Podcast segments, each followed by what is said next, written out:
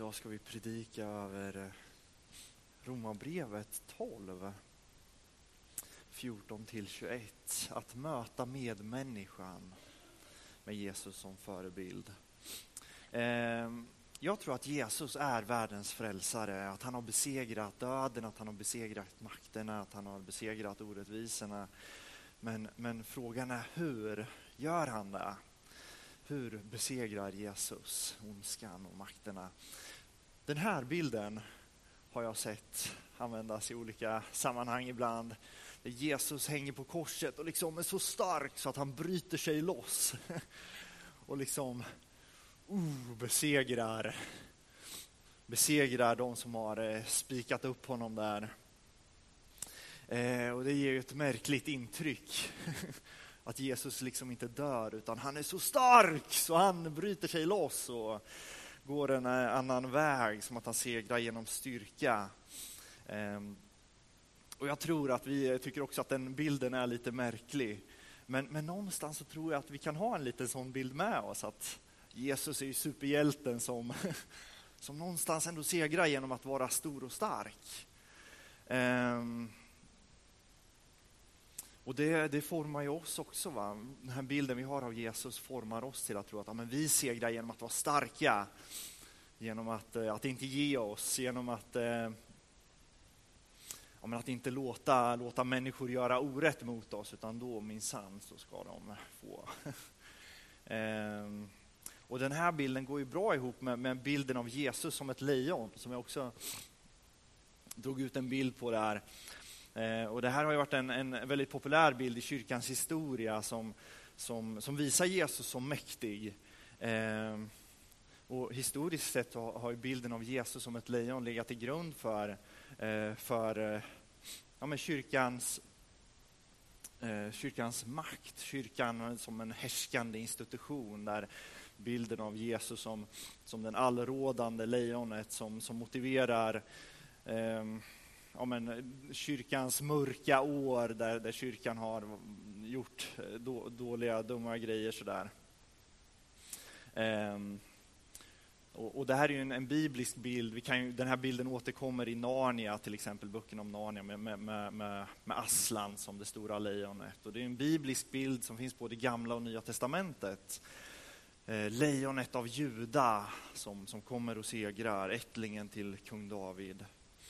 Ehm, men vårat problemet blir ju, hur kan, hur kan lejonet hamna på korset? Va? Vad, vad, vad gör han där? Eh, lejonet är ju stort och starkt och segrar som den här Jesus som bryter sig loss från korset.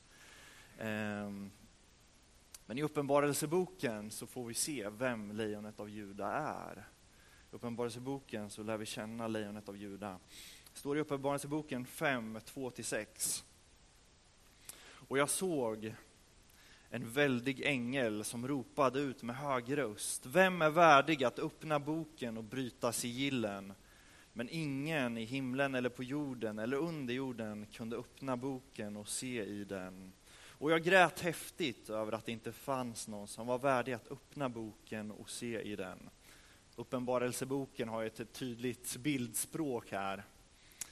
Ehm, men, men en av de äldste sa till mig, gråt inte, se han har segrat, lejonet av Judas stam, skottet från Davids rot. Han kan öppna boken med dess sju sigill. Och jag såg mitt för tronen och de fyra varelserna och mitt för de äldste stod ett lamm och det såg ut att ha blivit slaktat.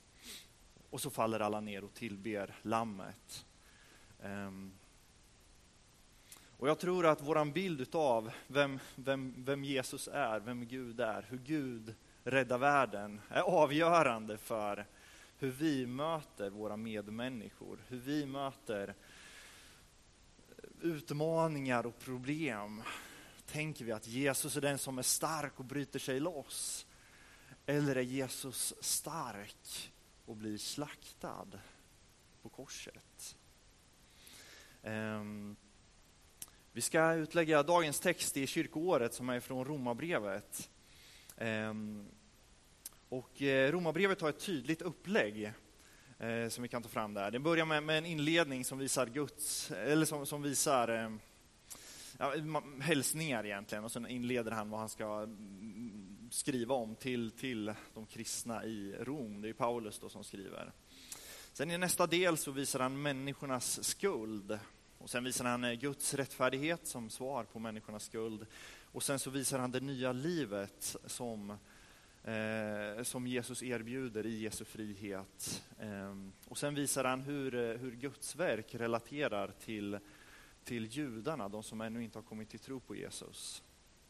Och sen efter det så kommer en ny del i Romarbrevet som börjar med att därför, därför säger jag er och sen så, så, så, går han in och, och, och, berättar hur ett liv ser ut i Kristus efterföljd, som inte, som inte är styrt av den syndiga världen, utan där våra sinnen får förvandlas av Gud. Så det handlar om den nya livsstilen i relation till Gud, i relation till andra i församlingen, i kyrkan, i relation till icke-troende, i relation till myndigheter, till människor i allmänhet, till hela skapelsen och vad det innebär att vara ett Guds folk. Ehm, så när vi ska titta på, på, på den här texten, som är dagens text, som alltså är eh, den tredje här i eh, relation till icke-troende, så har vi med oss en, en, en, en lång utläggning där, där Paulus har beskrivit Guds verk och visat att människor är, är eh, förlorade egentligen, då, men att Gud har gripit in i världen och frälst världen. Och därför säger jag er, säger Paulus då. Så säger han att därför, på grund av att Gud har gjort allt det här för oss, så, så, så förändras våra liv i relation till Gud, i relation till varandra i församlingen och i relation till andra människor utanför. Um, evangeliet formar de troendes relationer. Och vi kommer se att, eh, att uppmaningarna i den här texten som vi ska läsa idag betonar att bekämpa det onda, inte med styrka, utan eh, med gott. Med att göra gott tillbaka, att bekämpa våld med icke-våld, att bekämpa hämnd med försoning. Och att istället för att förbanna så ska vi välsigna. Paulus beskriver och målar fram korsets väg i en hotfull omvärld. Som Bert läste innan. Eh, som du vill att andra ska göra mot dig, så ska du göra mot dem. Vad innebär det? Och här, här beskriver Paulus, här målar Paulus fram ett, ett liv som är förvandlat utav Jesus. Vad innebär det i mötet med andra människor? Och vi hoppar rakt in i texten i vers 14. Där skriver Paulus så här. Välsigna dem som förföljer er, välsigna dem och förbanna dem inte. Eh, Romarbrevet är skrivet under 50-talet eh, efter Kristus. Eh, och på den här tiden så har de stora förföljelserna inte satt igång än. Det är inte så att kejsar Nero, eh, namnet kanske är bekant, har, har satt igång med att, att förfölja kristna eh, i, i, större skala så, utan Paulus utgår från att, att vara kristen innebär förföljelse. I, i, när han skriver till Timoteus, andra Timoteusbrevet 3 och 12, så skriver han så här. Så kommer var och en som vill leva gudsfruktigt i Kristus att förföljas. Och det här är ju någonting som, som kommer tillbaka från, från Jesus. Då. Jesus säger i, i Johannes 15 och 20. Kom ihåg vad jag har sagt er, tjänaren är inte för mer än sin herre har de förföljt mig kommer de också förfölja er. Har de bevarat mitt ord så kommer de också bevara ert. Ehm, att vara kristen i vår värld är precis som Jesus. Jag tror att om Jesus skulle komma idag så tror jag att Jesus skulle bli dödad idag också. För att Jesus är, på, Jesus är någonting annat än världen. Ehm, och vi möter också förföljelse i vår efterföljelse av Jesus. Det betyder inte att, att alla vi blir korsfästa, men att, men att vi kommer möta människor som inte uppskattar oss, som, som går emot oss, som, som vill någonting annat än det vi vill. Um, Så Paulus och Jesus de förutsätter att vi kommer möta lidande, att vi kommer möta motstånd. Och frågan är hur vi ska agera. Ska vi bemöta förföljelse och hat på samma sätt? Och svaret är att vi ska inte möta förföljelse genom att förbanna, utan genom att välsigna. Och det här är ingenting som, som Paulus kommer på själv, utan det är ett eko från, från Jesu undervisning. I Lukas 6, 27-36 så står det så här. Men till er som vill lyssna säger jag, älska era fiender, gör gott mot dem som hatar er, välsigna dem som förbannar er och be för dem som skymfar er. Slår någon dig på högra kinden så vänd också den andra till. Tar någon ifrån dig manteln så hindra honom inte att ta skjortan också. Ge åt alla som ber dig och tar någon det som är ditt så kräv det inte tillbaka. Så som ni vill att människor ska göra mot er, så ska ni göra mot dem. Ska ni ha tack för att ni älskar dem som älskar er, också syndare älskar dem som visar dem kärlek. Ska ni ha tack för att ni gör gott mot dem som gör gott mot er, också syndare handlar så. Och ska ni ha tack för att ni lånar åt dem som ni tror kan betala tillbaka. Också syndare lånar för att få samma lopp tillbaka. Nej, älska era fiender, gör gott och ge lån utan att hoppas att få igen. Då ska er lön bli stor och ni ska bli den högste söner. Och så kommer kärn, kärnan här. Då. Ty han är god mot de otacksamma och onda. Var barmhärtig så som er fader är barmhärtig. Våran Gud är en Gud som är god mot de som är otacksamma och onda. Och vi ska vara barmhärtiga så som vår fader är barmhärtig. Vi fortsätter i nästa stycke, så, så i, i, i, nästa vers här då, så, så är temat att visa delaktighet. Gläd er med dem som gläder sig och gråt med dem som gråter. Bemöt alla lika och håll er inte för ringa att umgås med dem som är ringa. Var inte självkloka. Paulus skriver till de kristna i Rom.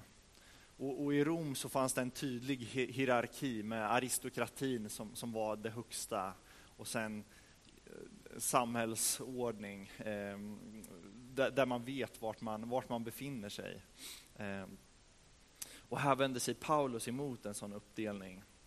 De troende ska delta i samhället. Eh, som troende så ska man inte dra sig undan och bilda ett, ett getto eller en, en sekt ute på landet där man, där man, där man eh, slipper möta andra som ett, eh, som ett, eh, ett kloster som är mm, avskilt från världen. Så. Utan Paulus säger om någon har dött så gå dit, var där. Om någon har gift sig, så gå dit, var där och fira. De, de, de troende ska delta i samhället. De ska bemöta alla lika. De ska inte anse sig vara bättre de ska inte anse sig vara sämre, utan de ska, de ska vara där som människor. De ska delta.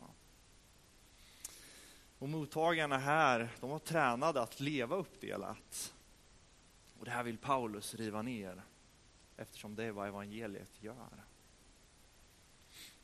I nästa vers, ge inte igen med samma mynt. Löna inte ont med ont, tänk på vad som är riktigt för alla människor. Håll fred med alla människor så långt det är möjligt och kommer an på er.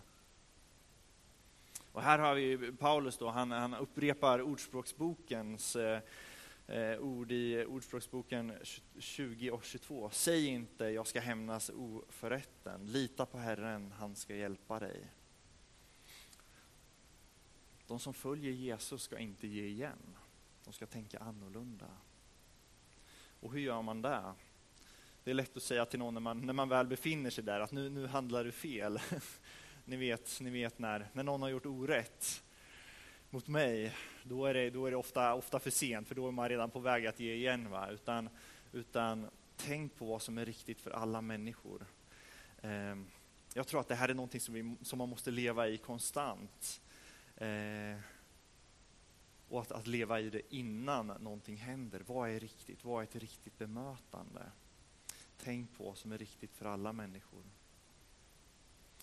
Ehm, som företrädare för Jesus, som det står i Romarbrevet 5 och 10, så ska de troende inte bemöta, eller inte söka hämnd, utan, utan söka försoning. Och samtidigt i den här texten så finns det också en, en realism, en, eh, någon typ av verklighetsförankring där. Så långt det är möjligt. Eh, det går inte alltid att försonas med allt, i alla fall inte direkt till en början. så. Eh, men att följa Jesus är att söka försoning, att söka, att vilja försonas. Eh, som kristna, så, eller som människor, så, så, så råder vi inte över andra människor. Det, man, man, kan säga, man kan säga förlåt, men man kan inte förvänta sig att man blir förlåten. Men, men, men det finns ju en, en intention här, va? att, att, eh, att vi söker att följa Jesus, att leva som Jesus levde, att, att vara de som söker försoning. Sen i nästa, nästa del, låt vreden ha sin gång. Ta inte rätten i egna händer, mina kära, utan låt Guds vrede ha sin gång. Ty det står skrivet, min är hämnden, jag ska utkräva den, säger Herren. Men är din fiende hungrig, ge honom att äta. Är han törstig, ge honom att dricka. Då samlar du glödande kol på hans huvud. Låt dig inte besegras av det onda, utan besegra det onda med det goda. När man lever i enlighet med de här verserna så innebär det inte att vi ska avstå ifrån vår mänsklighet, att vi ska liksom blunda för allting som är orätt. Så. Ehm, för Paulus säger att det finns saker som är rätt och saker som är fel, utan det Paulus uppmanar oss till är att när någon gör fel, när det onda kommer, så kommer Gud handla. Det är inte våran del att, att skippa rätt. Eh, det är inte vi som ska vara domare, utan, utan hämnden är Guds. Eh, och hämnd, det låter kanske det låter illa idag, tänker jag. Väldigt uppblåst att Gud är någon som ska hämnas. Eh, jag kollar ju mycket på film och i film, filmer, de filmerna jag gillar så, så förekommer nästan alltid ordet hämnd. Det är mycket action och sådär. Um, och när någon hämnas, det kan ju vara någon har gjort något litet oförrätt mot mig, men då, då sprängs ju hans hus och hela hans familj, så här ni vet att hämnd är ju väldigt stora, hemska saker. Så, va? Um, men att Gud hämnas innebär ju inte att, att det är så här. Utan, utan Gud är en rättvis domare och hämnden är proportionerlig. Eh, det är inte en, en godtycklig dom, utan Gud är en rättvis domare.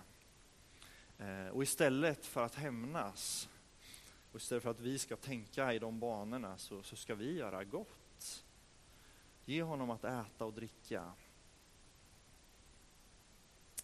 Och här upprepar Paulus igen från Ordspråksboken 25, 22-23. Är din fiende hungrig, ge honom bröd. Är han törstig, ge honom vatten. Då samlar du glödande kol på hans huvud och Herren ska ge dig din lön, står det på Ordspråksboken glödande kol på huvudet syftar på, på den goda skammen. Va? Um, att, att, Paulus utmanar oss att göra gott för att det blir, blir någon typ av glödande kol på huvudet som, som, som förhoppningsvis kan leda till att den här personen också inser att ja, men jag har handlat fel. Eh, och det här är inte ett, det är inte ett löfte från, från Paulus här att, att det kommer att ske. Um, inte så att om du gör gott så kommer människorna omvända, omvända sig. Vi ser ju att Jesus blir korsfäst, va? Fast att han gör gott hela tiden. så. Ehm, men det här är Jesu väg. Det är så Gud verkar, det är så Gud förvandlar världen. Ehm, Paulus uppmaningar i det här stycket är inte bara kloka fina ord om hur vi kan söka försoning, utan det här är ju Jesu väg. Det är så här Gud förändrar, förvandlar världen. Ehm, och i det här finns ju inbjudan till oss att fortsätta Jesu verk på jorden, att fortsätta vara med och utbreda Guds rike, att, att utmana människor till omvändelse och lägga ner sitt, sitt eget. Um, man kan fundera på varför, varför hämnd varför hat och varför ondska är ett så stort ämne i populärkulturen. Um, och kanske är det för att vi känner ett behov djupt inom oss att, att hämnas, att vara oschyssta tillbaka, att göra, göra grejer, att ge igen. Um, kanske är det därför vi är intresserade av att höra de berättelserna som berättas. Um, för att människor har gjort orätt mot oss. Människor har gjort saker som vi inte har kunnat förlåta. Och då, att, att, att höra de här berättelserna med människor som, som ger igen, det kanske tillfredsställer oss. Och, um, men det här stycket visar hur vi istället ska hantera våran, våran längtan efter hämnd. Efter att någon ska bli bestraffad. Um, och jag tror inte det här betyder heller att vi ska vara snälla mot ondskan. Det säger inte att ondskan inte finns. Utan ondskan är verklig och den gör ont. Och den kan ha långtgående konsekvenser för oss. En människa kan göra oss ont och det kan förvandla, förändra vårt liv jättemycket. Så att våra, våra liv ser inte, ser inte detsamma ut efteråt. Så. Um, men då har vi bilden av Jesus på korset. Där Jesus, Jesus dör, det gör ont. Och frågan är, ska han bryta sig loss och göra upp med vakterna? Ska han, ska han döda vakterna som har hängt honom där? Nej, det är inte Jesu väg. Eh, vad ska vi göra med den oförrätt som har gjort, gjorts oss? Ska, hur ska vi hantera den? Hur ska vi hantera den? Och här ser vi lejonet av Juda, lejonet av Juda visa vägen genom att, att gå Lammets väg. Va? Det är så Jesus segrar, det är så kärleken segrar. Genom godhet, genom att vända andra kinden till. Istället för våld så icke-våld, istället för hämnd så försoning, istället för förbannelse så välsignelse. Och det här är ju någonting annat än våran, våran instinkt, tänker jag. När vi möter oförrätt så är ju våran instinkt någonting annat. Ehm, det här är inte det som kommer naturligt för oss. Ehm, men i Romarbrevet 5, tidigare här, då, så har Paulus konstaterat att Guds kärlek har utgjutits i oss genom den heliga Ande. Alltså en förutsättning för att kunna leva det här livet som Paulus pratar om är att Anden gör sitt verk i oss. Att han, att han genomsyrar oss med sin kärlek. Eh, det är ju någonting som kommer före i resonemanget, att Anden har gjort sitt verk i oss. Och vi får leva i den kärleken. Han skriver så här i Romarbrevet 5 och 5. Hoppet sviker oss inte, ty Guds kärlek har ingjutits i våra hjärtan genom att han har gett oss den helige Ande. Paulus uppmaning är att leva i det onaturliga. Lev i Andens kraft. Lev som Jesus i ett nytt tillstånd i Anden. Jesus dog medan vi fortfarande var syndare, berättar Paulus också tidigare. När mänsklighetens ondska har nått sin fullhet så tog Gud den på sig istället för att krossa den.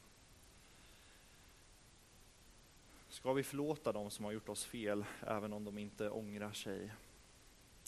Jag tror aldrig det blir försoning om inte båda, båda parter vill försonas. Um, men vi måste bli av med längtan efter att ge igen, längtan efter hämnd. Vi måste, vi måste göra gott. Um,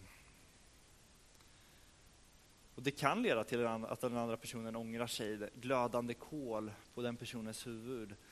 Men jag tror att ännu viktigare så får inte ondskan vara någonting som, som fångar oss. Att någon gör orätt mot mig får inte bli till att jag blir bunden i ondskan. Att ondskan får sitt grepp om mig. Det räcker med att någon har gjort illa mot mig, men att, att det, det onda ska få gripa tag i mig och få ett grepp om mig. Vi får aldrig komma dit, utan, utan, utan då säger Paulus, bemöt det med kärlek, bemöt det på ett annat sätt. Låt anden ingjuta sin kärlek i dig.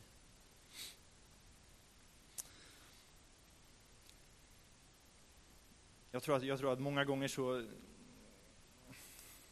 man kan bli frustrerad, det händer någonting, någonting dumt och, och min instinkt är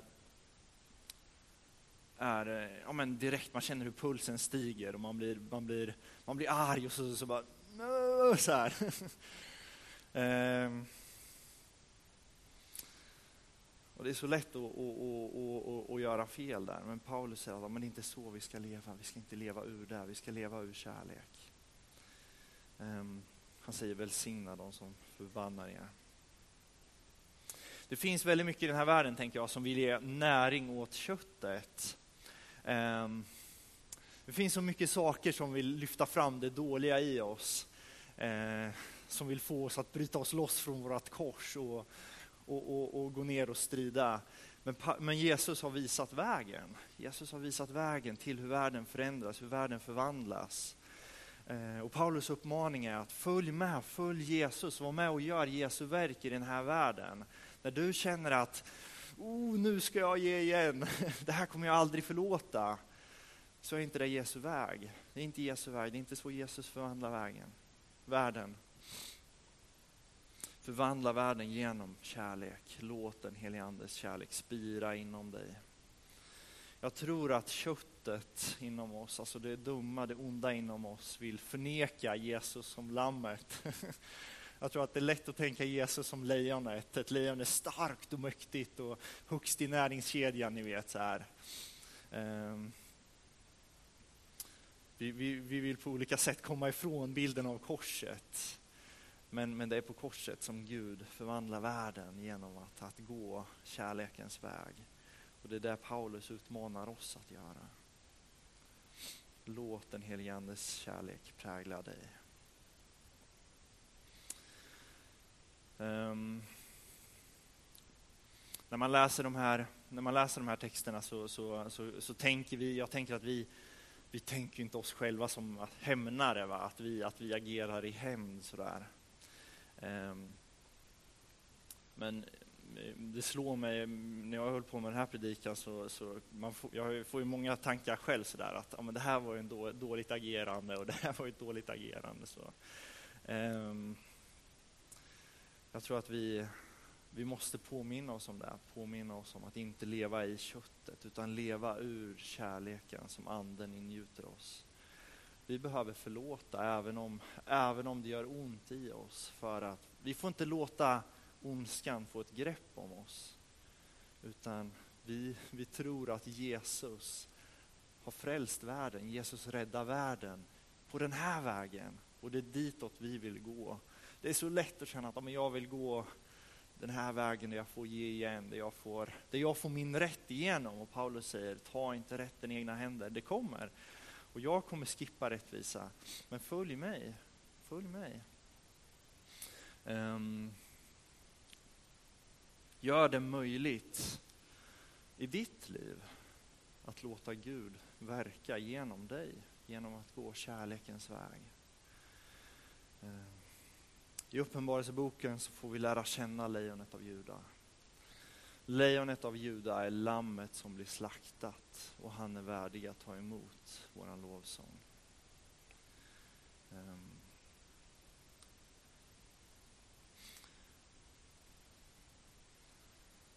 en utmaning är att om det är någonting som du har kommit att tänka på i, i den här när jag mm, läste den här, de här texterna, så ta tag i det. Jag vet inte, jag vet inte vad, vad, det, vad det handlar om, vart, du befinner, vart du befinner dig i, i, i, i någon sån här process, men, men låt, låt inte ondskan hålla dig fången, utan låt Guds kärlek segra.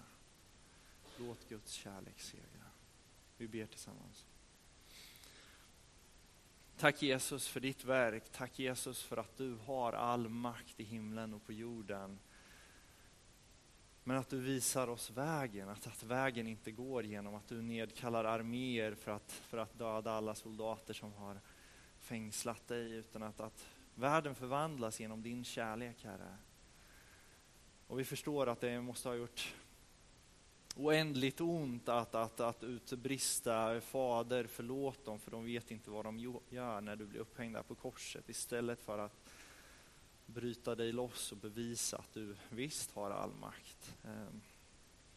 Och Jesus, jag ber att det ska få vara förebilden för oss, Herre, när vi lever i den här världen med människor som, som kanske inte alltid vill oss gott, Herre, eller där det bara blir missförstånd, missförstånd, men där det landar fel i oss, Jesus. Jag ber att, att vi inte ska bli, eh, bli, bli bundna utav ondskan, utan att din kärlek ska få sätta oss fria, Herre. Att vi ska få leva ur din kärlek, Jesus.